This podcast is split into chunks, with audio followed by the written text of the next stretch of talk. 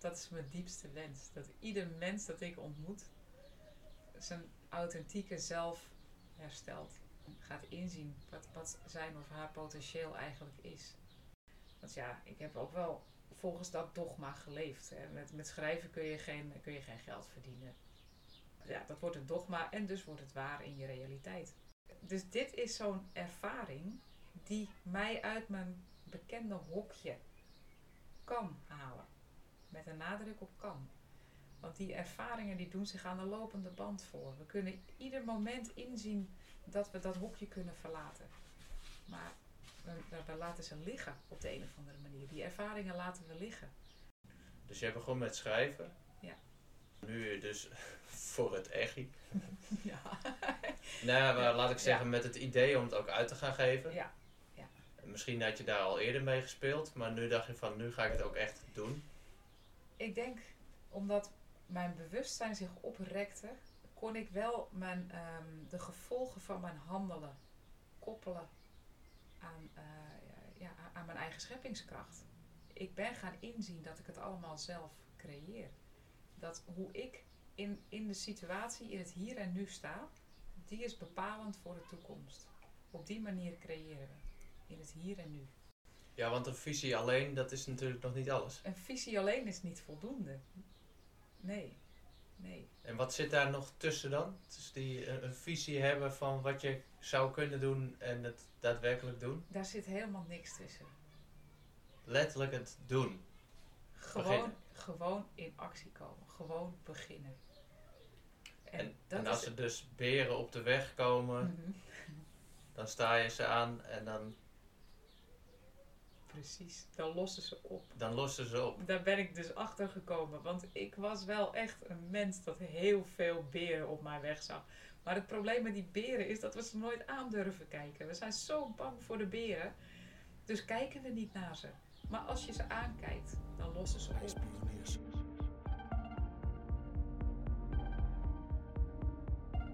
IJspioniers. Ja, ja, ja. Wat een feest was het eh, gisteravond, hè? Ik, ik zit nog steeds in die energie. Het was echt magisch.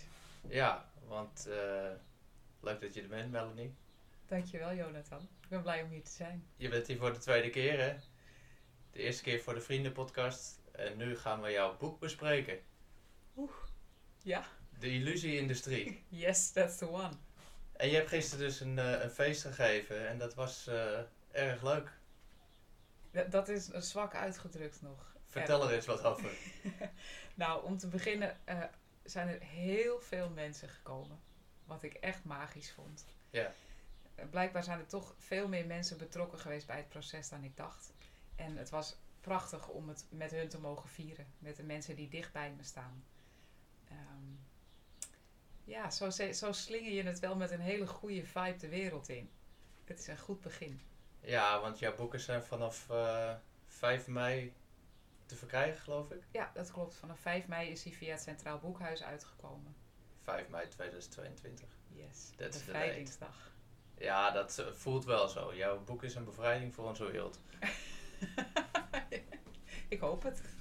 Ja, het is in ieder geval een, eh, een ontluiking voor jou geweest, toch? Om eh, op een andere manier in je leven te gaan staan. Absoluut. Ja, absoluut. Ja, want, want eh, wat, wat kan jij vertellen over het eh, begin? Hoe, eh, hoe ben jij gestart met het schrijven van dit boek? ik ben gestart met het schrijven van een. ehm, eh, ik wilde mensen in aanraking brengen met spiritualiteit. En daarnaast wilde ik wat heilige huisjes onder druk zetten. Kijk. Want in mijn beleving hebben die, eh, mijn heilige huisjes hebben altijd onder druk gestaan. En dat heb ik altijd maar zo gelaten, want iedereen doet dat nou eenmaal. Dus ik doe dat dan ook maar. Maar op een gegeven moment kon dat niet meer. De heilige huisjes die stonden onder zo'n hoge druk. Eh, ik moest er iets mee. En ik ben begonnen met daarover te schrijven. Ik ben het eerst maar gaan benoemen. En toen ik het ging benoemen, toen ik erop ging focussen, toen ik het allemaal echt helder kreeg, toen dacht ik, ja, ehm, wat doe ik eigenlijk? waarom laat ik die, die huisjes overeind staan? Gewoon omdat iedereen het doet. En wat zijn die eh, heilige huisjes? Eh, elke dag iets doen wat je eigenlijk niet zo leuk vindt om te doen. Eh, ik zie heel veel mensen dag in dag uit naar hun werk gaan. Werk wat ze vaak helemaal niet zo leuk vinden. En dan komen ze thuis en dan zijn ze moe. En dan gaan ze achter de televisie. En dan gaan ze slapen. En de volgende dag gaat het allemaal weer van vooraf aan. En dat is wel een beetje potentieel beperkend. Maar ik deed het ook. Ik heb het heel lang ook gedaan. Gewoon omdat iedereen het zo deed. En toen ik begon met schrijven, toen werd dat allemaal heel helder. En toen kon het dus ook niet meer op die, op die voet verder. Ehm, het hoofdpersonage in mijn boek, die, eh, die breekt met die routine. Die gooit het roer om en die gaat het anders doen. En dat ben ik dus ook gaan doen. En uh, wie volgde wie dan? Wie volgde wie? ja, dat is natuurlijk een magische vraag. Daar ga je eigenlijk al wel uh, heel diep, want ja, waar komt dat hoofdpersonage vandaan? Komt die uit mijn eigen verbeelding? Uh, is dat ons collectief onderbewuste? Was het een, uh, een impuls in het collectief onderbewuste? Dat zullen we nooit weten. Nee. Dus ehm, jij, jij hebt de titel Illusie-industrie, wat voor sommige mensen zou kunnen suggereren dat je het een en ander aan kritiek hebt op de wereld. En dat heb je ook, maar het heeft twee kanten. Dat klopt, ja. ja.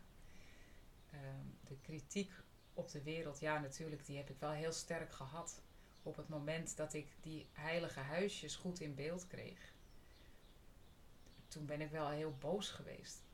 Toen dacht ik, ja, die instituten die, dat, die het menselijk potentieel beperken om er zelf beter van te worden. Ik ben er best wel heel boos Waarom? Waarom? Ja. Waarom? Waarom doen de instituten dat en waarom, belangrijker nog, waarom doen we eraan mee?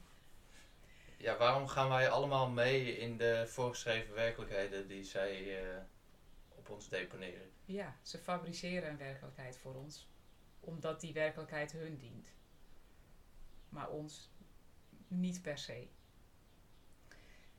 Maar ik ben wel in gaan zien dat door er kwaad over te zijn, het tegelijkertijd heel veel macht over je heeft. Je, je voedt, uh, ja, als, als je het dan hebt over complottheorieën, hè? Ja. Je, je, met, met je boosheid en je angst en je woede voed je het complot uiteindelijk. Ja. En krijgt het heel veel macht over je en ben je eigenlijk nog steeds zo ver van huis. Dus je komt achter bepaalde uh, facetten van hoe jij dan denkt dat het leven in elkaar zit. Mhm. Wat uh, niet werkt zoals het zou moeten werken. Zoals dat mensen dus klein gehouden worden. Uh, Ja. Dat hun potentie eh, ja, eh, ge gekooid blijft eigenlijk. Eh, via sociale druk. eh, via, via wat voor mechanisme gaat het volgens jou? Oh ja, als je het hebt over het mechanisme van de illusie-industrie. Dat is een heel uitgebreid mechanisme. Want de illusie-industrie omvat eh, feitelijk alles wat ons normen en waarden voorschrijft. Ja, We hebben over het algemeen wel het gevoel dat we onze normen en waarden eh, of zelf maken. Maar de invloed van de illusie-industrie is groter dan je denkt. wij staan ontzettend open voor onze omgeving. Ja, En alles wat eh, bij jou binnenkomt als stukje informatie. ja dat klopt. En we zijn als mens kuddedieren. Zo overleven wij. Dus het is ook belangrijk dat je je veilig voelt in de kudde. En als de kudde op een bepaalde manier denkt, is het veilig om ook op die manier te denken. En eh, ik had het net over die impuls in het collectief onderbewuste. Ehm, die, eh, die werkt natuurlijk niet alleen in mij. Die werkt in heel veel mensen. Mhm. En ik zie dus dat heel veel mensen om ons heen eh, ehm, diezelfde inzichten krijgen. Op dit moment. Op dit moment, ja. Ja. ja. Die Dus- zien dat het niet klopt wat we doen, maar die er tegelijkertijd ook niet zoveel aan durven doen. Niet zoveel aan durven veranderen. Er zit nog angst op het nemen van actie. Ja, En misschien ook de vraag, wat zou de juiste actie zijn? ja, Maar als ik dan eh, een klein stukje terug ga, eh, je, je komt er dan dus achter dat er dingen niet kloppen. En in eerste instant, instantie triggert dat dus de angst in jezelf en de boosheid. En van hé, hey, waarom is het toch dat, dat we tegengehouden worden? We zouden het zoveel mooier kunnen maken. Ja. En wat, wat gebeurt er daarna dan? Eh, nou ja, toen ben ik dus daadwerkelijk iets gaan doen. Want die, die boosheid, die heb ik altijd wel gevoeld. Ik heb nooit, nooit langer bij een werkgever gewerkt dan anderhalf jaar. Oh. Ja, dan was ik er wel weer klaar mee. Dan was ik verveeld en ik vond het saai. En, uh, en ik dacht altijd, ah, wie ben jij om, om tegen mij te zeggen dat ik dat of dat moet doen? Ja, en dat ligt dan niet per se aan die werkgever, maar dat ligt aan het systeem waar ze in opereren. Ja, Of precies. precies. We worden eigenlijk ehm, vanaf de basisschool al in een bepaalde vorm gegoten. En die vorm die werkt goed voor de economie zoals we die nu kennen. Ja. Maar daar komt nu verandering in. Dat is die collectieve impuls. We gaan de economie anders vormgeven. Het gebeurt nu al. De economie is tot stilstand gekomen, eigenlijk. Ja, de, want de economie die is vormgegeven in de industriële revolutie. Mhm. Daar zitten wij nu nog steeds eh, in natuurlijk. Ja. En zij zijn de scholing daarna ook op poten gaan zetten, wat er dus voor gezorgd heeft dat eh, zij wilden mensen hebben die pasten binnen het systeem van hun economie. Ja, precies. Ja, de, de mens wordt al heel vroeg eh, geplooid, vormgegeven. Met, met behulp van normen en waarden eh, en overtuigingen. Een, een gefabriceerde werkelijkheid, eigenlijk. En eentje die niet per se goed is voor het individu en daarmee ook het collectief. Eh, ja. Ja, al. Ik denk niet dat je het zo zwart-wit kunt zien. Ik denk dat we die, eh, die periode van ja, schijnveiligheid eigenlijk wel heel erg nodig hebben gehad. Om tot de inzichten te komen die we nu krijgen. Wil je daarmee zeggen dat we nog niet rijp waren voor de stappen die we nu wel kunnen zetten in ons bewustzijn? Ja, ja dat, dat is hoe ik het voel. Kun je daar meer over vertellen? Ja, we leren door ervaring. Eh, niet op een andere manier. Ons verstand leert alleen maar, nou ja, wat, wat het krijgt aangeboden van buitenaf. Maar door, ehm, door de gevolgen van onze keuzes te ervaren, zetten we een, ehm, een, een nieuwe gebeurtenis neer in het collectieve onderbewuste. En hoe meer mensen dat doen, hoe meer het naar het bewuste eh, dobbert, zeg maar. Zo, zo zie ik het eigenlijk een beetje. Als, als, als een dobber die onder water is geweest en die Ja. langzaam maar zeker naar boven komt drijven. Dat je toch wil weten wat daar zit. Omdat hij toch wil weten wat daar zit. Ja, natuurlijk. De, de menselijke aard, we zijn toch nieuwsgierig. Ja. Ja, we zijn nieuwsgierig. We zijn nieuwsgierig aangelegd, maar het is wel heel lang onderdrukt. En eh, dat- is dus iets waar iemand eh, die dan in complotten gaat geloven, Ja, eh, boos van kan worden. Ja. En in theorie zichzelf in kan gaan verliezen. Ja. Vandaar ook dat er een, soort van stigma op complotters zit. zeker. Want hè, het zijn toch vaak boze mensen en laten we nou gewoon gezellig hebben met z'n allen.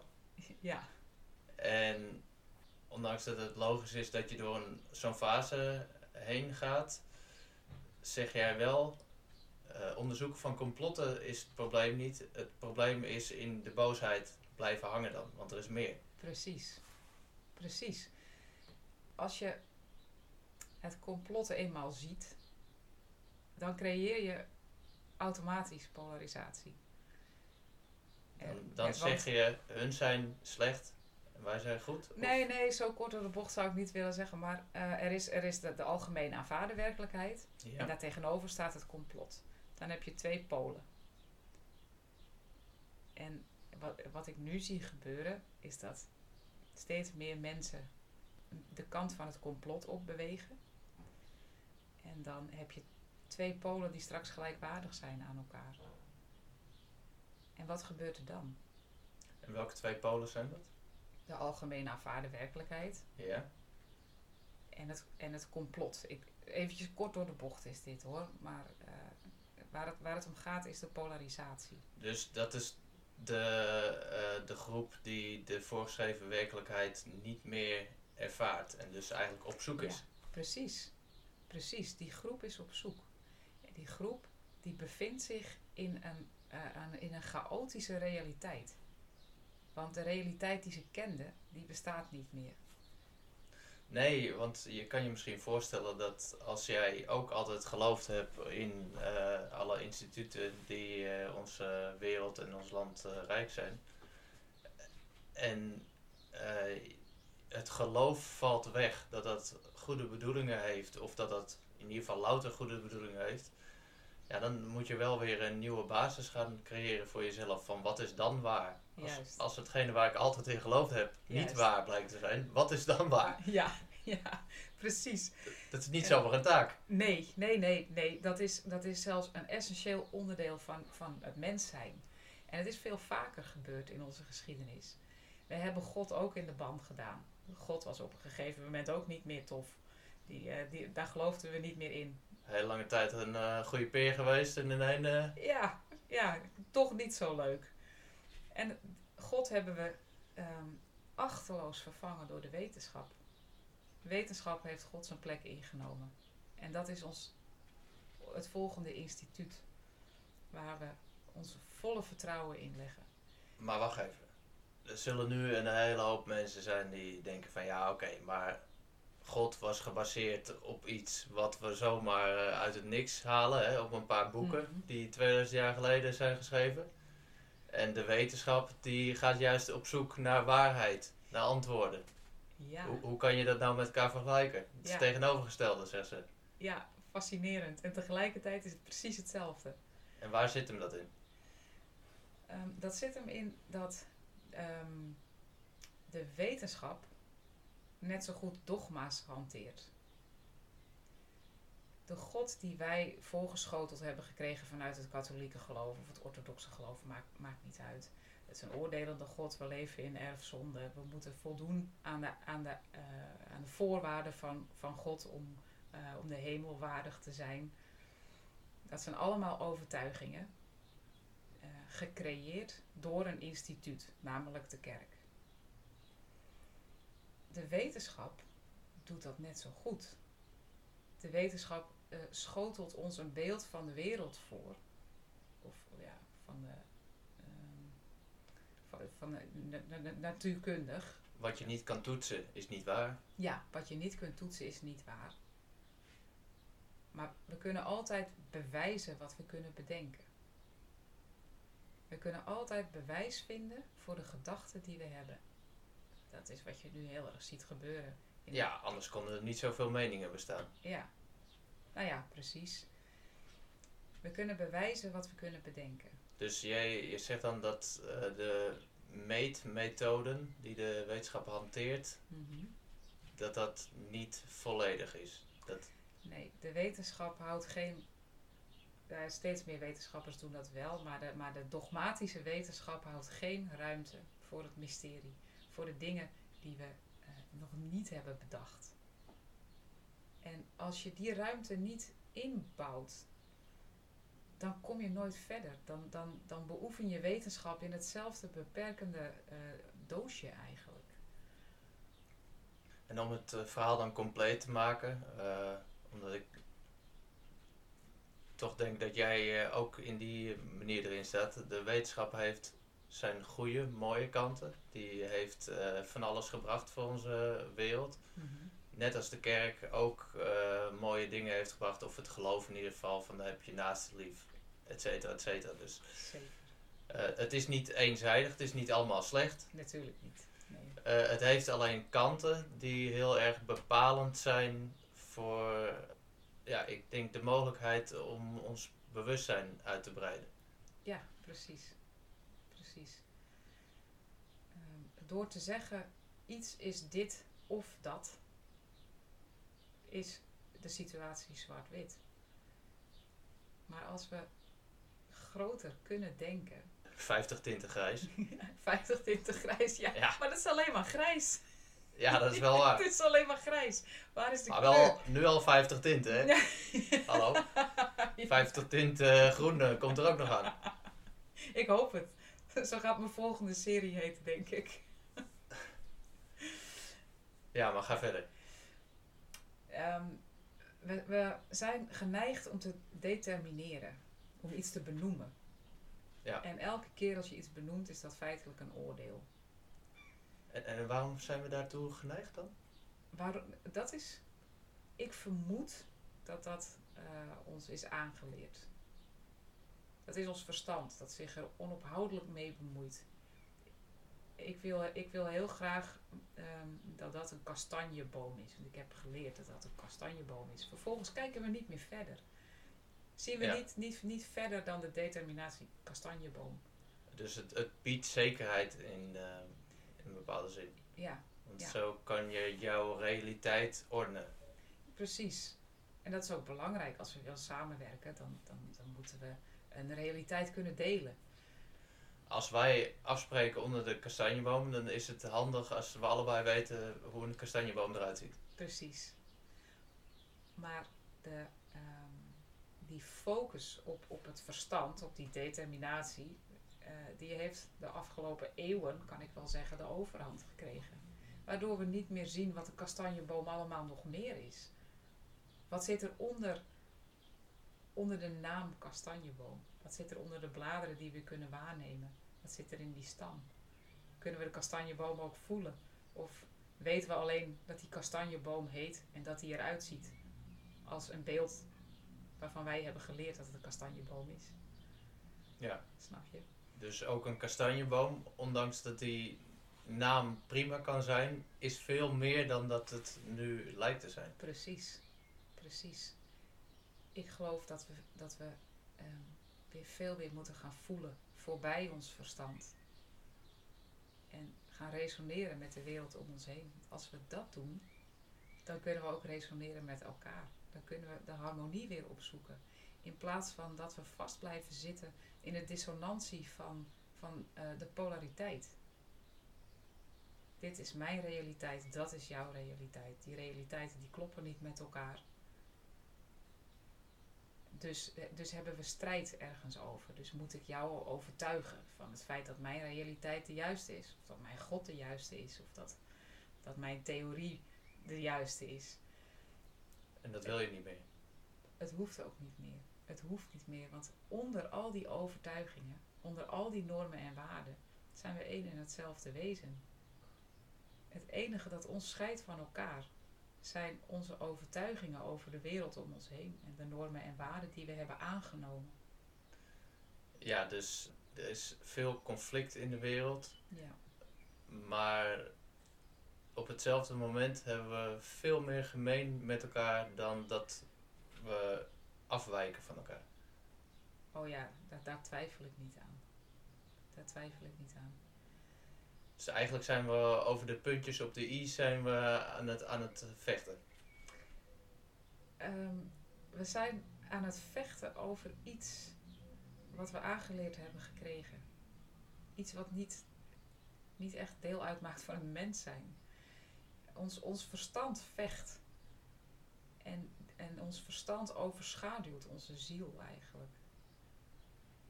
Eh, Er zit er dan verschil tussen hoe een mens in deze wereld oorlog voert, vecht en hoe een dier agressie kan vertonen? Ik bedoel, een krokodil pakt ook graag een, eh een antilope of wat ook. Ja, ja, dat is zo. Kijk, een krokodil leeuw heeft... speelt met zijn eten. Ja, daar verwonder ik me vaak over. Eerlijk gezegd. Jij zegt het zit niet in onze natuur. Nee, ik geloof zeker. Ik geloof dat de natuur van de mens werkelijk harmonie is. Harmonie en vrede en liefde. Dat geloof ik. Dat voel ik in, in, in heel mijn lichaam. Ik, wat, en wat ik zie gebeuren, is mensen die hun realiteit proberen te bewijzen. Ja. En dat is een probleem, want de een heeft een andere realiteit dan de ander. Het zijn maar stempels. Het zijn, uh, het zijn, um, we, we, zijn stickervellen eigenlijk voor waardeoordelen. Er wordt van alles op ons geplakt en wij plakken op onze beurt ook weer anderen vol met, met de stickers van onze waardeoordelen. En heb je een idee hoe dat gekomen is? Ja, ik, ik denk dat uh, ons, ons verstand geëvolueerd is. Het is complexer geworden. We kunnen veel dieper over dingen nadenken. Waarom dat zo gekomen is, weet ik eigenlijk niet. Maar waarschijnlijk moeten we onszelf nog eventjes op deze manier ervaren om, om te besluiten dat het niet werkt voor ons. En dat we beter kunnen gaan focussen op. Nee, je zei natuurlijk eerder, als je de ervaring niet hebt, dan kan je niet leren. Dus als wij deze dualiteit en de, de, waar dus ook agressie bij hoort, als we die niet uh, gehad hadden, dan uh, zou het uh, ook niet iets kunnen zijn wat we ons eigen maken en, en dus de mening over kunnen hebben van dit is het dus niet. Precies, we, we moeten het donker ervaren. We, we, moeten een tijdje focussen op donker om te kunnen ervaren dat we, dat we licht zijn. Ja, en, en dat is dan ook um, in essentie wat een complotdenker tracht te doen. Hè? Ze, ze licht op het donker schijnen. Ja. Opdat het leven later wel weer beter wordt. Dat de wereld lichter wordt juist. Ja. Alleen het leven is nu. Ja. En niet in de toekomst. En waar ik ook met mijn boek voor wil waarschuwen is dat we nu beter moeten gaan maken in het nu. En niet, uh, niet onze hoop richten uh, op de toekomst. Dan gaat die of die ons redden. Dan gaat Poetin ons redden. Of Trump gaat ons redden. Of weet ik, Zelensky gaat ons redden. Wie dan ook. Wie dan ook, maakt niet uit. Wij maken de realiteit nu. En we maken hem samen. Wij doen mee aan polariteit of we doen het niet. Precies. Wij, en wij gaan voor eenheid of we gaan voor Of- dualiteit. Precies, ja. En zolang het complot nog zoveel macht heeft over mensen, want het is nog wel zo, het krijgt steeds meer macht, groeit die ene pool, terwijl die andere pool ook heel sterk is. En wat, wat we nu zien gebeuren bijvoorbeeld in Oekraïne, dat is hetzelfde verhaal. We hebben een orthodox oosten en we hebben een katholiek westen. We hebben twee polen. De mensen zijn verdeeld. Die hebben waardeoordelen geplakt op de ander. En dat is dus voldoende om, ehm, om het geweer op te nemen. Met alle gevolgen van die. Met alle gevolgen van dien. En de arena eromheen, de wereld, die Mhm. gaat zijn mening Die vindt er iets van. Die vindt er iets van en die Ja. gaat allemaal acties ondernemen. Ja, en de polariteit groeit alleen maar. Ja.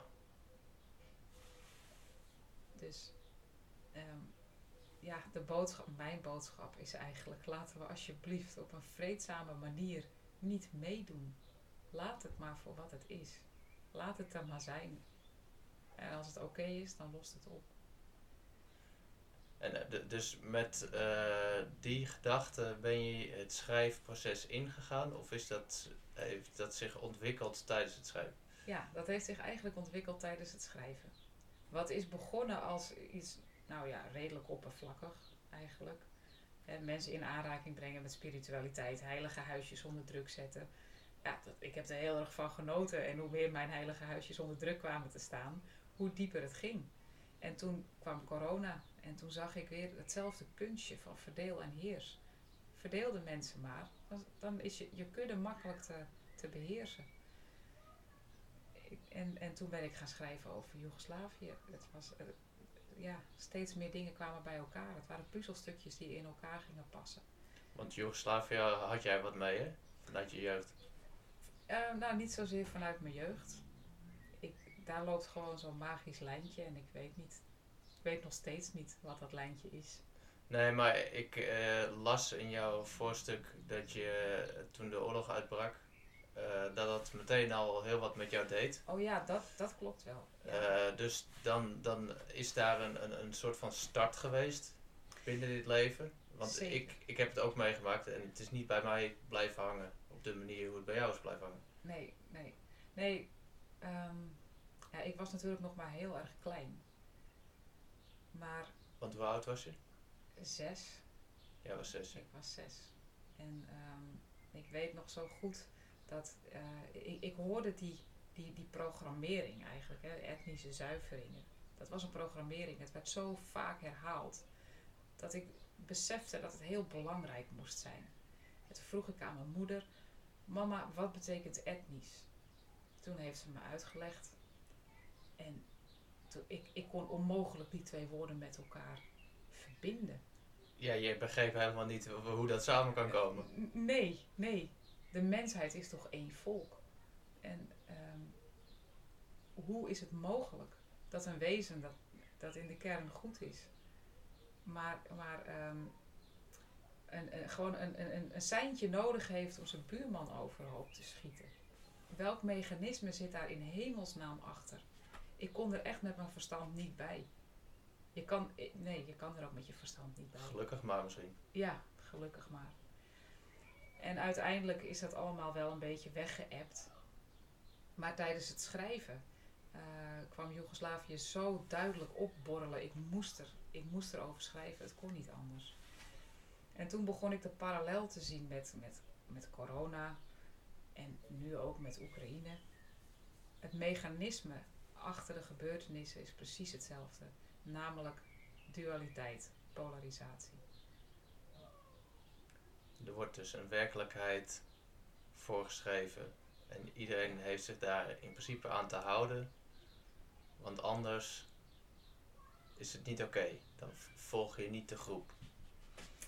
Ja, we willen, we willen allemaal ergens bij horen. En, en we kiezen een kamp. Ja.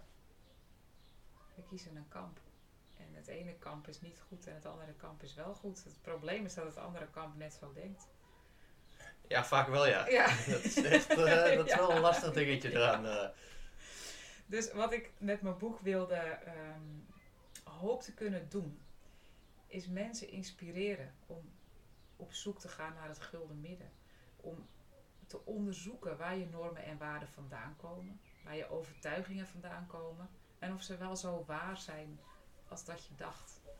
Vandaar dus ook de illusie-industrie. De illusie-industrie, ja.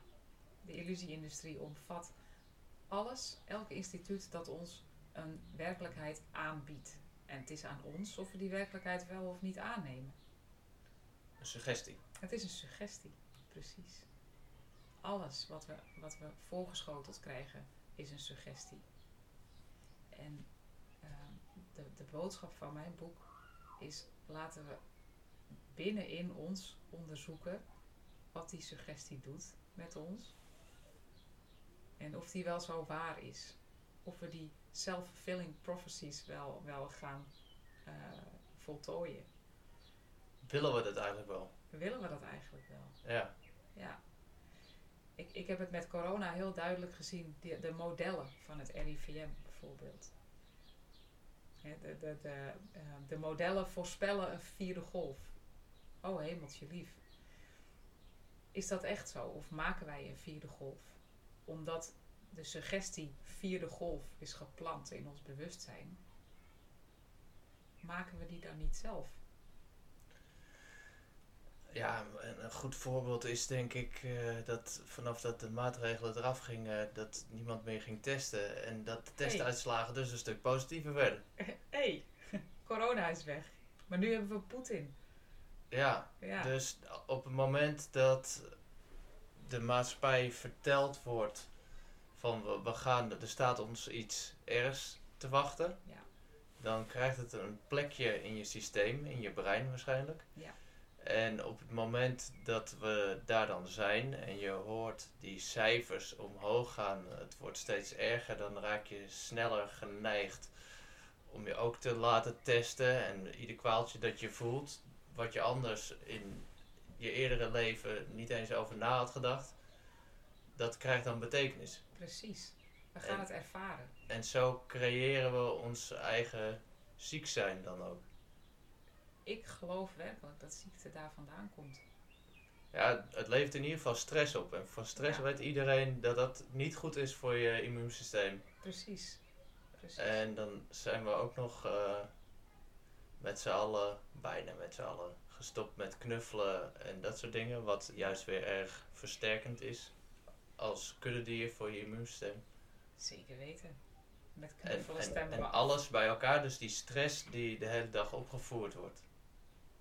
En eh, het, het gebrek aan liefde dan, die er rondhangt op dat moment.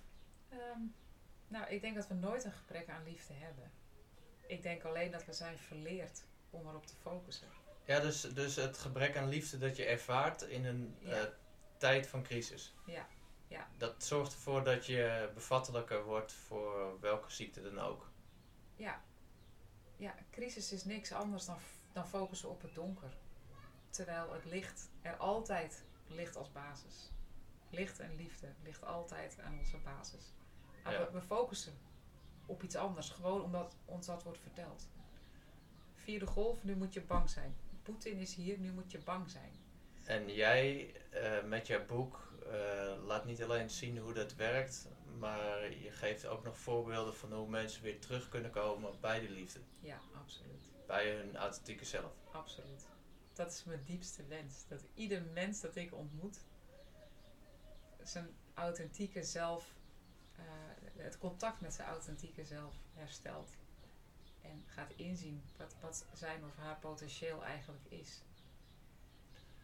Ja, en dan beschrijf je ook nog, eh, ik weet niet wat je daarover kan zeggen nu, maar eh, over de verschillen in onvoorwaardelijke liefde en het woord liefde. Dus de definitie Ja. liefde die we nu tegenwoordig gebruiken en die veel ingezet wordt in bijvoorbeeld de muziekindustrie en in Hollywood. Ja, Kun je daar iets over zeggen? ja, ja zeker. Ehm ik kijk naar een gemiddelde romantische comedy of romantische film, welke Hollywood-productie dan ook. Eh, de hoofdpersonages zijn er altijd van overtuigd dat, ehm, eh, dat ze aan bepaalde eisen moeten voldoen om, eh, om liefde te verdienen. Of hun partner moet aan bepaalde eisen voldoen om hun eigen liefde te verdienen. Zo, is, zo gaat het ook in de liedjes. Eh, liedjes over liefde gaan over een gefabriceerd soort liefde. Het gaat over liefde die is doorspekt met normen en waarden van, van ehm, ja, de muziekindustrie in dit geval. En het is eigenlijk gebaseerd op hetzelfde idee als de erfzonde. Namelijk, we zijn niet goed genoeg. We, moeten iets doen of we moeten iets bereiken om die liefde te verdienen. Terwijl onvoorwaardelijke liefde, nou ja, het woord zegt het al, is onvoorwaardelijk. Het maakt niet uit wat je doet. Ik ben dat gaan ervaren door het schrijven. Ik wist wel, ik kende het concept. Ik wist, het, ik wist ergens diep in mij dat het zo zou moeten zijn. Maar ik had het niet ervaren. En door te gaan schrijven werd het, eh, werd het helder. Omdat ik ging focussen, werd het helder. Dus het verschil ook tussen... eh, Tussen eh, voorwaardelijke en onvoorwaardelijke liefde, ja. ja. En bij voorwaardelijke liefde kom je vaak in een afhankelijkheidspositie terecht natuurlijk Oh ook. ja. Ja. Ja, de onvermijdelijk. Onvermijdelijk. En dat is juist waar jij uit wil. Ja. ja. Ik ben daaruit gestapt zelfs. Ik ben daaruit gestapt. Ja. Dus jij eh, zou van jezelf zeggen dat je het voorleeft om in onvoorwaardelijke liefde te, te leven. Precies. Ja. Ik wil graag een voorbeeld zijn. Dat is een mooie ontwikkeling dan, die Ja. je hebt gemaakt, denk ik. Absoluut. Ja, Absoluut. Ja. heel gaaf. Je boek, eh, die, daar heb je natuurlijk een tijd lang over gedaan. Twee jaar. Je bent twee jaar mee bezig geweest. Ja. Wat ben je zoal tegengekomen tijdens het schrijven? Want je, je was nog geen schrijver, toch? Nee, nou ja, ik, ik, hiel, ik heb altijd van schrijven gehouden. Ik heb heel veel geschreven, maar nooit iets gepubliceerd. Want ja, ik heb ook wel volgens dat dogma geleefd. Hè. Met, met schrijven kun je, geen, kun je geen geld verdienen. Eh, Ja. ja, dat wordt een dogma en dus wordt het waar in je realiteit. En op dat moment had ik niet in de gaten dat ik, dat ik mijn realiteit zelf maak. En dat bleek niet waar te zijn, want hier Ja. zit je. En je hebt hier- je boek... eh, Ik, ik heb mijn boek geschreven en gepubliceerd. En verkocht ook al. Dus, ehm, dus dit is zo'n ervaring die mij uit mijn bekende hokje kan halen. Met een nadruk op kan. Want die ervaringen die doen zich aan de lopende band voor. We kunnen ieder moment inzien dat we dat hokje kunnen verlaten. Maar we, we laten ze liggen op de een of andere manier. Die ervaringen laten we liggen. Ja, oké, deze keer heb ik mazzel. Ja, ik heb gewoon geluk. Weet je wel. En maar, ehm, We gaan het als toeval eh, bestempelen. ja, we gaan als het als iets goed toe. gaat. Precies. In plaats van dat we het aan, onze, onze eigen scheppingskracht kunnen toeschrijven. Ja, ik denk dat eh, de mensen die oprecht succesvol zijn, die- dat die op zijn minst vertrouwen hebben in hun eigen kunnen. En die, die laten zich niet door anderen daarin eh, tegenhouden. Precies. En dus door andere meningen Ja, want ook dat, ook dat is maar een overtuiging. Alles wat je ziet om je heen is een mening. Ja. Alles is een mening. Dus je begon met schrijven. Ja. Nu dus voor het echi. ja. Nou, maar Ja. laat ik zeggen, met het idee om het ook uit te gaan geven. ja. En Misschien had je daar al eerder mee gespeeld, maar nu dacht je van, nu ga ik het ook echt doen. Ik denk omdat mijn bewustzijn zich oprekte, kon ik wel mijn, ehm, de gevolgen van mijn handelen koppelen aan, eh, ja, aan mijn eigen scheppingskracht. Ik ben gaan inzien dat ik het allemaal zelf creëer. Dat hoe ik in, in de situatie, in het hier en nu sta, die is bepalend voor de toekomst. Op die manier creëren we. In het hier en nu. Ja, want een visie alleen, dat is natuurlijk nog niet alles. Een visie alleen is niet voldoende. Nee. Nee. En wat zit daar nog tussen dan? Dus die eh, een visie hebben van wat je zou kunnen doen en het daadwerkelijk doen. Daar zit helemaal niks tussen. Letterlijk het doen. Gewoon, Beginnen. gewoon in actie komen. Gewoon beginnen. En, En, dat en als er dus beren op de weg komen, Mhm. dan sta je ze aan en dan, Precies, dan lossen ze op. dan lossen ze op. Daar ben ik dus achter gekomen. Want ik was wel echt een mens dat heel veel beren op mijn weg zag. Maar het probleem met die beren is dat we ze nooit aan durven kijken. We zijn zo bang voor de beren. Dus kijken we niet naar ze. Maar als je ze aankijkt, dan lossen ze op. Als Heb je, heb je daar een voorbeeld van? Van jezelf? Ehm, Iets waar je erg tegenop zat, maar door Eh. het aan te kijken dat je dat het, dat het oploste? Eh, ja, ja, zeker wel. Dit hele proces van het schrijven en het uitbrengen van, van een boek, dat betekent ook eh, in het licht stappen. Je bent niet meer veilig, eh, veilig in de coulissen. Maar je staat in het volle licht. Dat betekent dat mensen iets van, die gaan er iets van vinden. Ja. Ze gaan er iets van vinden, onvermijdelijk. En eh, ik heb altijd plankenkoorts gehad, bijvoorbeeld. Echt podiumvrees. Vreselijk. Er zit ook een scène in het boek die dat beschrijft. Dat is echt autobiografisch.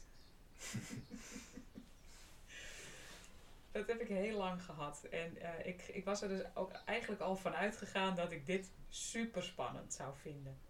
Mijn boek is daar. En, eh, en, eh, ik, en ik heb ook echt wel op een drempel gestaan op het moment, hè, voordat het echt de wereld inging, dacht ik, ja, ik kan nu nog terug. Maar als ik nu over de drempel ga, dan staat het er en dan vinden mensen er iets van. Ja. Ben ik bereid om alles te accepteren? Maar dat was dus een van die beren. Dat was een van de beren, ja, absoluut. De angst voor, voor het oordeel van een ander. Ik denk dat heel veel mensen dat herkennen. Ja. En jij zegt, door het in de ogen, ogen te kijken en door het aan te gaan, Ervaar je dat er geen man overboord is. Er gaat niemand dood als iemand iets van je vindt. Althans, nee, niet, in zeggen, mijn, niet in mijn realiteit. vertel, wat, wat vond je er zo eh, vervelend aan? En dan heb je een gesprek, eigenlijk. En het is, ja, je hebt een, gesprek en je hebt een uitnodiging. Je hebt een uitnodiging om jouw eigen oordeel over de ander te verwijderen. Want ik heb inmiddels ook ervaren dat hoe harder ik een oordeel heb over iets of iemand, hoe harder dat over mij terugoordeelt.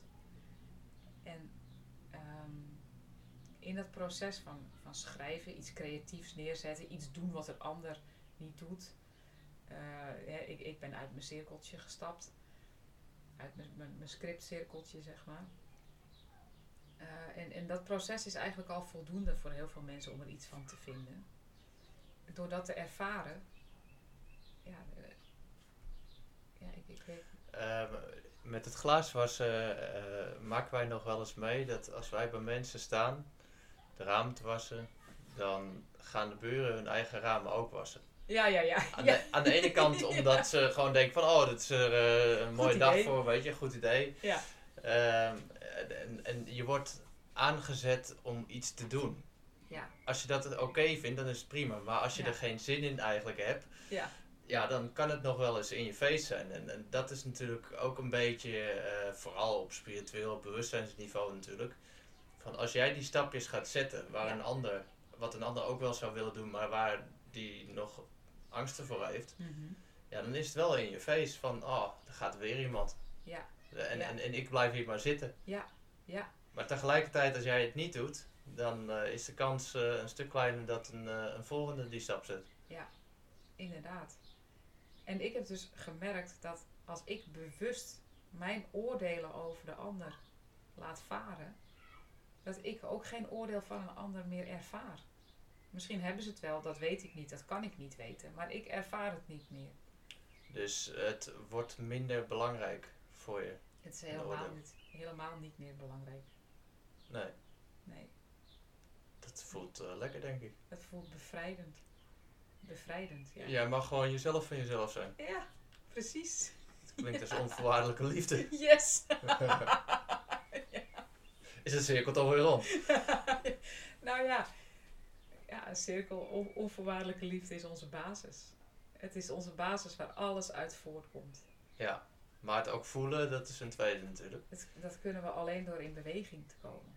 Alleen door in beweging te komen. Dus de creatieve kracht die de mensen in zich heeft te volgen.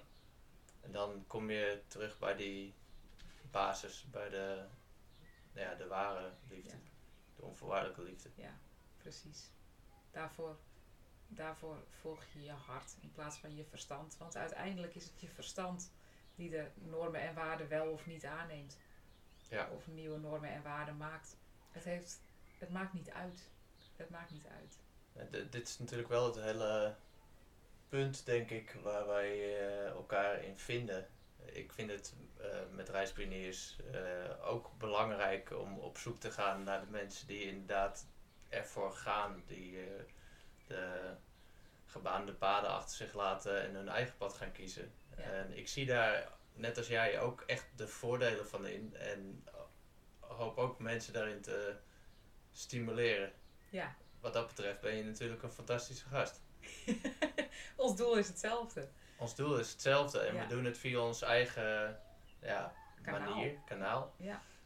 En eh, ja, dat, eh, dat is erg leuk. Ik merk ook dat sinds ik hiermee begonnen ben, eh, dat je als vanzelfsprekend eh, meer in contact komt met de mensen die op, je, op, hetzelfde, eh, nou ja, dezelfde frequentie opereren en Ja, die, we die hetzelfde doel hebben.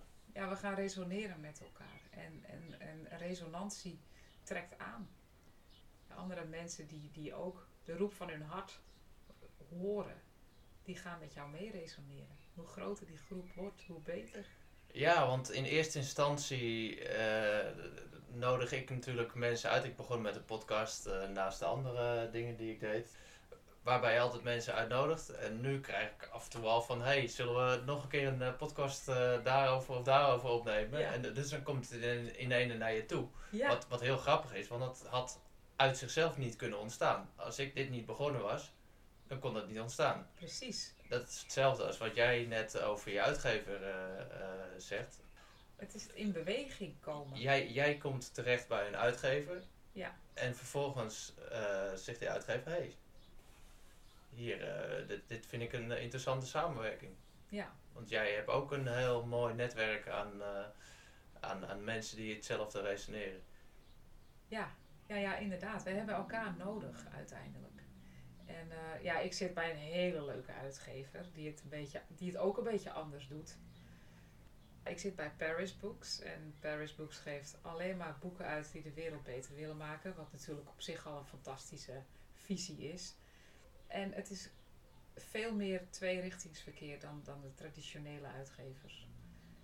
Ehm, het, het is het proces van iets creatiefs neerzetten en het vervolgens uit handen geven.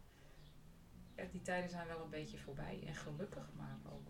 Want de manier waarop ehm, een creatief werk mensen bereikt, is net zo belangrijk als het werk zelf.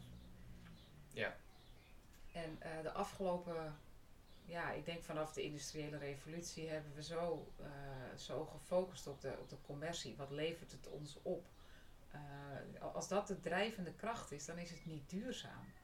Snap je wat ik bedoel? Nee, uh, dan, dan put het uit. Dan put het uit, ja, precies. Terwijl... Als je de krachten bundelt en elkaar versterkt, ja. dan, dan, ja, dan zit er een uh, mooie toekomst in. Ja. En een mooie heden. En een mooie heden. En wat een mooie toekomst begint met een mooie heden. Ja. Stel, ja, want als je die zelfs... stap niet zet, ja. kom je nooit in een mooie toekomst. Precies. Ja, ik zou zelf nog wel een stapje verder durven gaan en zeggen dat kijk, er is alleen maar heden. Dus als je, als je, als het nu, als het hier en nu goed is, waarom zou je toekomst dan anders zijn? Jij bedoelt dat er geen directe aanleiding is om een slechtere toekomst te krijgen als je nu met een goede state of mind uh, resoneert met de mensen om je heen. Ja. ja, absoluut. Dat is wat ik beweer. Ja. En ik heb het ook ervaren dat het zo is.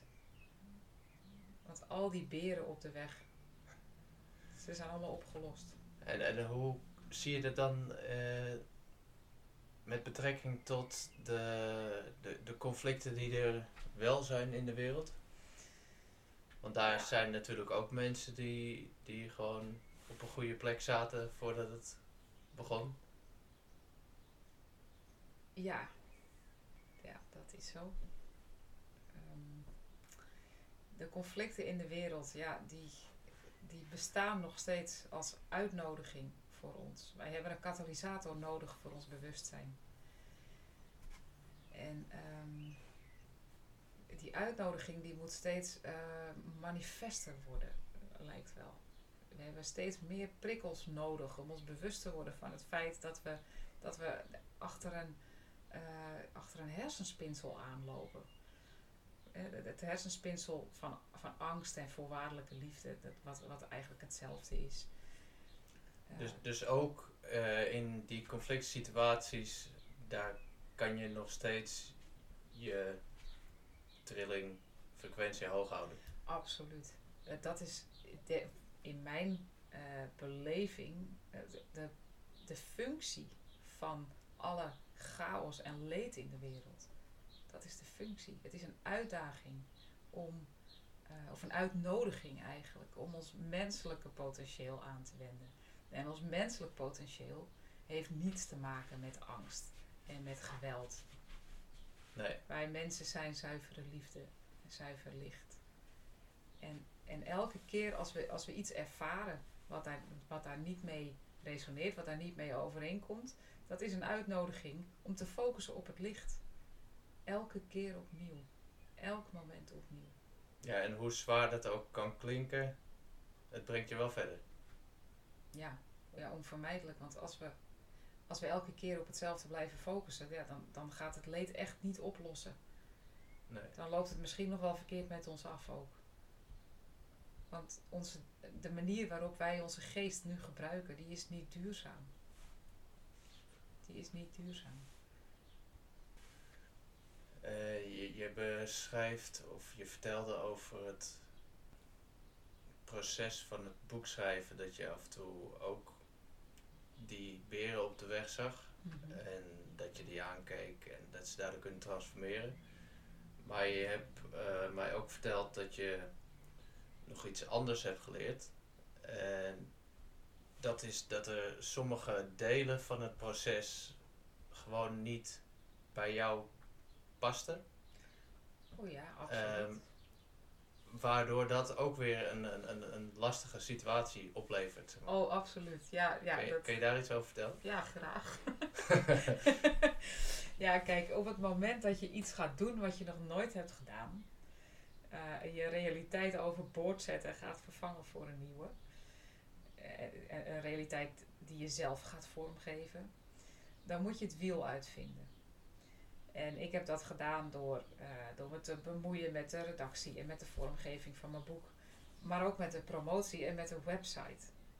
En ik ben geen digitaal wezen. Ik ben echt een, een dinosaurus. Een, by choice. Ik ben een zelfgekozen dinosaurus. Ehm, maar ja, ik heb het boek niet voor niks geschreven. Het, eh, het is uiteindelijk de bedoeling dat het mensen bereikt en dat het de wereld ingaat. Dus die website was wel van belang. Ehm, dus ja, ik ben het wiel gaan uitvinden en een website gaan bouwen. Gelukkig wel met hulp. Maar dat heeft. eh, ik ben dat was ja, een mooi, mooi voorbeeld hoe ik werd meegezogen in een situatie. Een situatie die me vreemd was. Ik voelde angst. Namelijk is mijn website is misschien niet op tijd klaar. Bang werd ik daarvan. daarvan. En dan Ja, heb ik zo lang ergens naartoe gewerkt. ja, en dan is het allemaal niet op tijd klaar. En dan, dan is het uiteindelijk. eh, slaat het nergens op, weet je wel. Hè? Dan kunnen mensen, niet, eh, kunnen mensen me niet vinden. En dan eh, Nee. kunnen ze niet landen op mijn website, zoals dat in vaktermen heet. Dus het, ik vond het wel fascinerend om op te merken hoe angst het verstand triggert. Er is een, een nieuwe situatie voor mij ontstaan. Ik voel angst, triggert het verstand. En het verstand zorgt er vervolgens voor dat ik in hetzelfde cirkeltje rondga. Want ik heb een stresssituatie voor mezelf gecreëerd waar ik echt niet meer uitkwam. En op een gegeven moment, die stresssituatie duurde lang, te lang. En, eh, en, en die moest dus zo erg worden dat ik er uiteindelijk bewust voor heb gekozen om uit te zoomen. En dan kun je, dan kun je vanaf een afstandje naar de situatie kijken. En dan zie je dat er eigenlijk helemaal niks aan de hand is. Nee. Dan kun je er eigenlijk wel om lachen. Waar heb ik me nou zo druk om gemaakt eigenlijk? En dat is de manier geweest hoe je er weer uit kon stappen. Juist. Ja. Ik, en ik probeer dat steeds vaker en vaker te doen. Even een stapje terug doen. En van een afstandje kijken naar, naar mijn activiteiten. Ja. Meestal moet ik daar echt hard om mezelf lachen. Jeetje, waar maak je je zo druk om? Ja, Wie, wie gaat er dood als je website niet op tijd af is? Echt niemand. nee, als iemand, uiteindelijk als iemand jouw boek wil kopen, dan, eh, of nou vandaag of morgen is, dan gaat hij toch wel doen. Ja, dus het is zo'n mooie uitnodiging om, om eens te kijken naar de eisen die je jezelf oplegt. Als je jezelf eisen oplegt, is dat al, alweer een vorm van voorwaardelijke liefde. Is dat dan, eh, is dat dan wat je ervan geleerd hebt? Zeker weten. Zeker weten. Ja. En de, dit zou je dan een, een volgende keer anders aanpakken? Oh ja. Oh ja, heel anders. Ja. Maar ja, goed, dat is natuurlijk ook wel makkelijk gezegd. Kijk, ik heb het wiel nu al uitgevonden. En, eh, en, en de- deze keer moet ik ervoor waken dat ik niet weer hetzelfde wiel afdraai, maar weer een nieuw wiel creëer. Ja.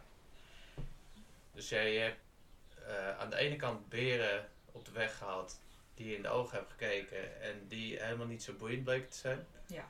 Maar aan de andere kant ben je er ook, wat je in eerste instantie ook als beer op de weg kan zien, situaties tegengekomen waarbij je misschien wel eh, een bepaald idee hebt hoe het zou moeten gaan, Ja, Ja. maar, maar dat dat niet per se ook noodzakelijk is. Nee, nee, dat, dat is ons verwachtingspatroon. En ons verwachtingspatroon zit ons behoorlijk in de weg. We willen graag dat onze werkelijkheid zich ontvouwt zoals we die verwachten dat hij dat die het gaat doen. Hou vast. hou vast. Maar daarmee laten we een andere situatie, of een andere, ehm, ja, een andere situatie of een andere gebeurtenis, die misschien een, een wel, andere mogelijkheid die Ja. zich zou kunnen ontvouwen. ja, die laten we volledig buiten beschouwing. Ja. Daar focussen, daar focussen we helemaal niet op. Nee. En dat is zo zonde. Dus ik betrap mezelf er wel regelmatig op hoor, dat ik graag wil dat mijn werkelijkheid zich ontvouwt zoals ik het had bedacht van tevoren. Ja, want het brengt natuurlijk ook ergens rust in je hoofd. Ja, Als dat eh, zo zou zijn. Het zou wel makkelijk zijn als het Ja. even dat is, ik, ja, dat is een, een menselijk programmaatje, denk ik. Dat draait in ons. We willen graag dat onze werkelijkheid zich zo ontvouwt zoals we het hadden bedacht. Dat is iets van het ego, denk ik. Een soort van gevoel dat je, dat je grip hebt op, eh, op de zaken. Ja. Terwijl het, het mysterie een veel grotere plek zou mogen krijgen in mijn beleving. Openstaan voor het mysterie. Open, werkelijk openstaan voor de dingen die op je pad zouden kunnen komen. En die kunnen verwelkomen op het moment dat ze zich aandienen. Ja, want dingen zelf willen aanpakken en in eigen handen houden, dat is eh, eh, aan de ene kant kan je dat mooi noemen, dat is authentiek en weet ik wat. Maar als je juist de juiste persoon ervoor vindt, Ja, eh, die het voor jou doet, dan kan er juist weer een hele mooie nieuwe band ontstaan met een, een, een, een nieuwe partij. ja nou ja, precies. Iemand die er ongeveer hetzelfde in staat, maar dan net wat andere dingen als kwaliteit heeft. Precies. Ja. Ja, om maar een leuk voorbeeld te noemen. eh, ik vond de website een heel groot struikelblok. Ik vond het vreselijk om, te, om zoveel tijd te stoppen in iets digitaals. Wat zo, ja, zo ongrijpbaar en zo onpersoonlijk eigenlijk. Hoewel ik wel heb genoten van het schrijven van de content voor de website. Het, mijn, mijn verhaal op papier zetten, dat past me wel heel erg goed. Ja. Maar echt het, het technische stuk van de website vond ik verschrikkelijk. En ik had dus ook een enorme drempel om iemand te vragen om mij te helpen. Ja, Want ik eh, heb het als verschrikkelijk ervaren, dus ik wil dat niet iemand anders aandoen. Terwijl iemand anders daar dus gewoon heel goed in is. Die, dat, die doet dat gewoon heel erg makkelijk. En eh, die begrijpt hoe dat werkt en die, Die- heeft het ja. eigen gemaakt. ja, precies. We hebben het heel, heel veel eh, over het eh, proces eh, om het boek heen, jouw proces eh, gehad. Vind je het leuk om de achterflap nog voor te lezen? Zeker weten. Ja. Zal ik die er even bij pakken? De grenzen van ons denken zijn de grenzen van onze werkelijkheid. We kunnen alleen bewijzen wat we kunnen bedenken, maar wie leert ons hoe te denken? Wie leert ons hoe te leren? En wie zegt dat wat we leren waar is? Dat wat we denken waar is? Wat bevindt zich buiten onze bedachte werkelijkheid? Welkom in de wereld die we niet kunnen bewijzen. Welkom in dit cruciale moment in tijd en ruimte, waarin de noodzaak om die wereld te ontdekken groter is dan ooit. Nu er meerdere waarheden voor ons zijn gefabriceerd en de polarisatie het menselijke volk wereldwijd op hoogspanning heeft gebracht. Raphaël is een doorgewinterde gitarist uit Los Angeles. De muziek heeft hem geen windeieren gelegd, maar hij ervaart dissonantie in zijn werk en in zijn leven. Met weemoed denkt hij terug aan zijn tijd als muzikant in de jaren 60, toen zijn waarden nog authentiek waren en de inspiratie vanzelfsprekend. Tegelijkertijd ervaart Hebe een soort gelijke wrijving tussen haar werk en haar waarden, die heel veel heilige huisjes onder druk zetten. Als het lot haar een mogelijkheid biedt om haar wringende routine tijdelijk te verlaten, pakt ze die weifelend aan. Een kosmische lijn tussen Hebe en Raphaël wordt strak getrokken. Maar waar komt die lijn vandaan? En met welk doel? Samen hervinden ze hun waarden, waardoor Raphaël onmogelijk op de oude voet verder kan. Maar hoe koopt hij zijn ziel terug? Dit hoopvolle verhaal illustreert hoe de mens veel te creatief is om voor voldongen feiten te worden gesteld. Meer nog dan een roman is de illusie-industrie een moderne mythe, een eeuwenoud verhaal dat ons met behulp van symbolen en archetypen verbindt in ruimte en tijd. Laat deze mythe de grenzen van je bewustzijn oprekken. Zul jij, net als Raphaël, je functie in de illusie-industrie leren kennen, erachter komen wiens belang jouw waarheid dient. Dit kan dat moment in tijd en ruimte zijn waarin we stoppen met reageren op omstandigheden en gaan beginnen met de creatie van onze eigen werkelijkheid. Dankjewel. Alsjeblieft. Je triggert meteen al, hè? Om, eh, om, om mee te gaan doen eigenlijk. Je nodigt meteen uit. Ja, ja, daarom heb ik dit verhaal bewust geschreven. eh, nou, ten eerste als, non, eh, of als fictie, eh, als, als een verhaal en niet een, ehm, niet een non-fictieboek dat weer gewoon een nieuwe werkelijkheid voorschrijft. Eh, Met een verhaal kan je eigen ehm, je eigen voorstellingsvermogen aan de gang. Kan je eigen onderbewuste ermee aan de gang.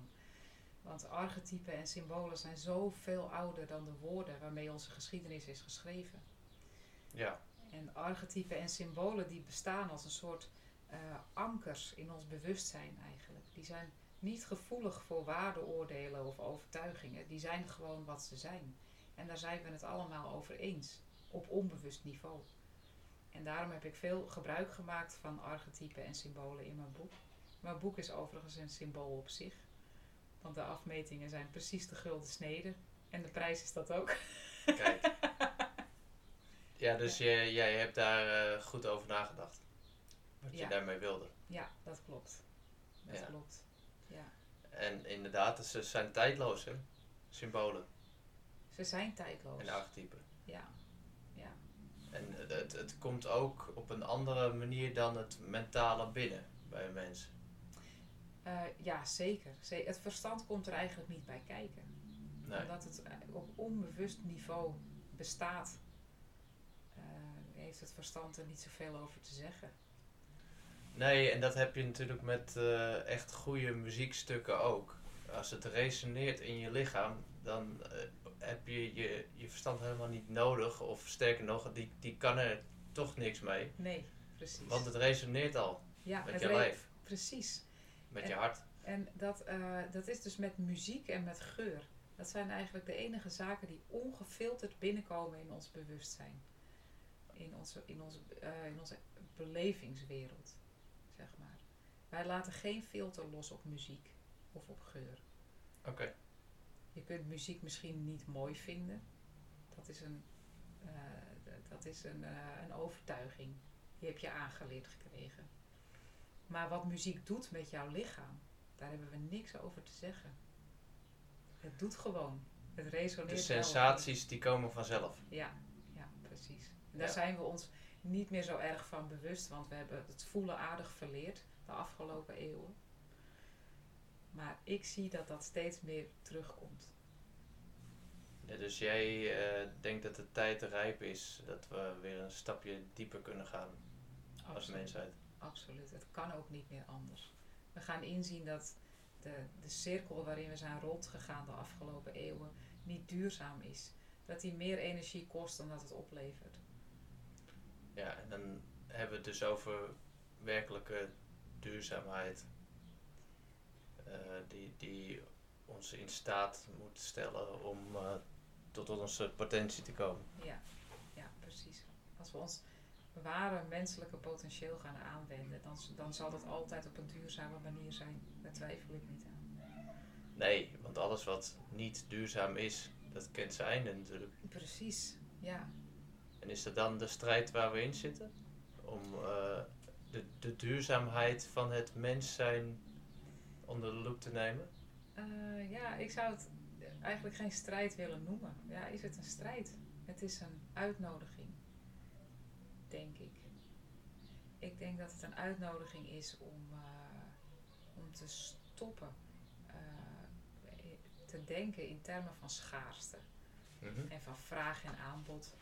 Hè, degene die, aanbod, die aanbiedt, die, die heeft eigenlijk de macht. En degene die vraagt, die, die, die zit in een soort van slachtofferrol eigenlijk. Dat, eh, ik denk dat dat ophoudt. Die slachtofferrol, die gaan we achter ons laten nu. Kijk maar naar, naar die, die, die bewegingen als MeToo bijvoorbeeld, die, die sterker en sterker worden. Weet je, je, je kunt tegenwoordig niks meer zeggen eigenlijk. Er is altijd wel iemand slachtoffer van, van je uitspraak. En ehm, Als je iets te zeggen hebt, dan is er altijd iemand slachtoffer. ja, ja, En wat betekent het dan nog? Het slachtoffer zijn. Bedoel, dan heeft het ook geen Kijk, basis meer. nee, nee. Het heeft geen basis, want we creëren onze werkelijkheid zelf. En als, je, als jij je werkelijkheid laat voorschrijven door een instituut of door een ander, ander mens, ja, dan, eh, dan kun je ervaren dat je het slachtoffer van de omstandigheden bent. Maar je, er is niks meer voor nodig dan, eh, dan een andere visie. Dan, eh, dan de keuze om zelf vorm te geven aan je realiteit. Ja. Om uit die slachtofferrol te stappen. Het probleem is dat eh, slachtofferschap de afgelopen eeuwen eh, heel veel macht heeft opgeleverd. En, en dat komt nu echt tot een, eh, tot een soort van hoogtepunt. Dat zie ik gebeuren in de MeToo-beweging. Dat een vrouw hoeft maar te zeggen: Ja, hij heeft iets heel lelijks gedaan tegen mij. En dat is al genoeg om iemand te veroordelen. En dat heb ik ook in het boek geschreven. De, de cancelcultuur. Ja, de cancelcultuur Ja. inderdaad. Die is gebaseerd Want- op slachtofferschap. Voordat er eh, ook maar één enkel bewijs boven water is, is, is diegene eigenlijk al eh, weg. Ja. ja. ja, inderdaad. En daardoor zien we nu hopelijk dat het slachtoffer de macht heeft. Ja, het, het slachtofferschap is, een, is al een, een hele oude religie. Het christendom is voortgeborduurd op slachtofferschap. En hoe kunnen we dat omdraaien? Door, Want- door in te zien dat we geen slachtoffers van de omstandigheden zijn. Door nu eindelijk te kiezen voor, eh, ervoor te kiezen om geen leed meer te veroorzaken. Niet bij een ander en, en ook zeker niet bij jezelf. We hoeven geen leed meer te veroorzaken. We hebben genoeg, genoeg leed gezien en meegemaakt. Het hoeft niet meer. Het is klaar nu. We zijn geen slachtoffer van de omstandigheden. We maken de omstandigheden. En als je geen leed meer wilt ervaren, stop dan met de creatie van leed. En dan kun je nu, hier en nu mee beginnen. Ja, want schuif je het naar de toekomst, dan hebben we dat nog niet. Nee, precies. Precies. Alles vindt plaats in het hier en nu. En als je er hier en nu voor kiest om geen leed meer te maken, dan zul je het in de toekomst ook niet hebben. Ja, mooi. Heb jij eh, nog onderwerpen die we nog gemist hebben? Als het over je boek gaat? Ehm, ja, wat behandelt mijn boek niet eigenlijk? Het is nogal een breed spectrum inderdaad. En het, is, het is wel een breed spectrum. Het, het, brengt, het, het verbindt eigenlijk ehm, wetenschap met religie. En ehm, het- ja, het, het, het, het zet de mechanismes erachter in het licht. En dat zijn eigenlijk de beren. Als we die aankijken, als we de mechanismes eenmaal kunnen zien, dan hebben ze geen macht meer over ons. Dat is eigenlijk de boodschap. Dus in onze eigen kracht Ja, gaan staan. precies. En daar heb jij een eh, fantastisch verhaal eh, van weten te maken. Ik hoop het. Ik hoop dat het resoneert met heel veel mensen. En dat we erachter gaan komen. Erachter durven komen wat het betekent om mens te zijn. Want we wenden nu maar zo'n heel klein stukje van ons potentieel aan. En dan ook alleen nog maar dat stukje dat, eh, dat handig is geweest voor de machthebbers. Maar we zijn zoveel meer dan dat. Ja, en je, je ziet het, eh, wat het al kan doen als individuen eruit stappen en hun eigen koers gaan varen. eh, laat staan als we dat collectief gaan doen natuurlijk. Wat er dan mogelijk is. Ja, ja, absoluut. En als we gaan zien dat die individuen die eruit stappen, eh, dat, dat het heel erg goed voor ze uitpakt. Dat ze alleen maar meer licht gaan uitstralen in plaats van minder. Dan zijn die individuen voorbeelden. En voorbeelden, dat doet goed nadoen natuurlijk. Ja. Ja, mooi. En waar eh, kan je jouw boek eh, bestellen?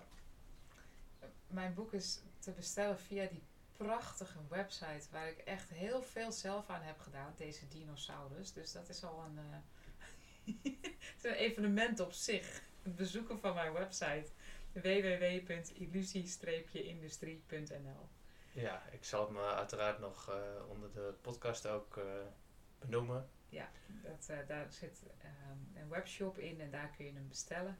En ja, hij is overal verkrijgbaar, bij alle online boekwinkels. Boekhandel Laan heeft hem op voorraad gelegd, net als de Read Shop in Castricum en Primera. Want jij komt uit Castricum. Ik kom uit Castricum. Ja, ja, dat klopt. Ja, dus overal te krijgen, maar het beste via de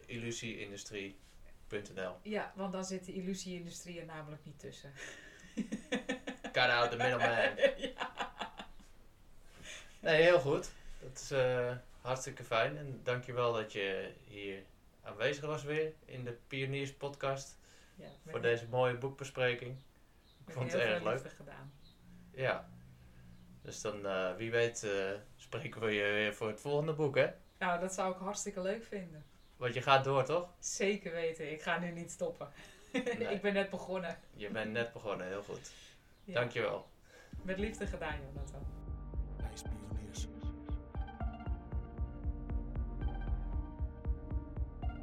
Reispioniers. Ik vind het altijd zo inspirerend om mensen als Melanie te mogen spreken en te interviewen via de Reispioniers podcast. En als je dat ook zo vindt, dan eh, ga dan vooral even naar de website toe. En dan kan je haar boek kopen. Dan steun je Melanie en haar schrijverschap. En het is ook een ontzettend fijn boek om zelf je eigen bewustzijn weer even aan de tand te voelen. Waar sta ik nou eigenlijk? Dus ga het lekker met vrienden, familie delen. Iedereen die hiervoor open staat. En dan eh, kunnen we zo op deze manier de wereld weer een eh, stukje mooier maken. In ieder geval leuk dat jullie luisterden. En tot de volgende podcast.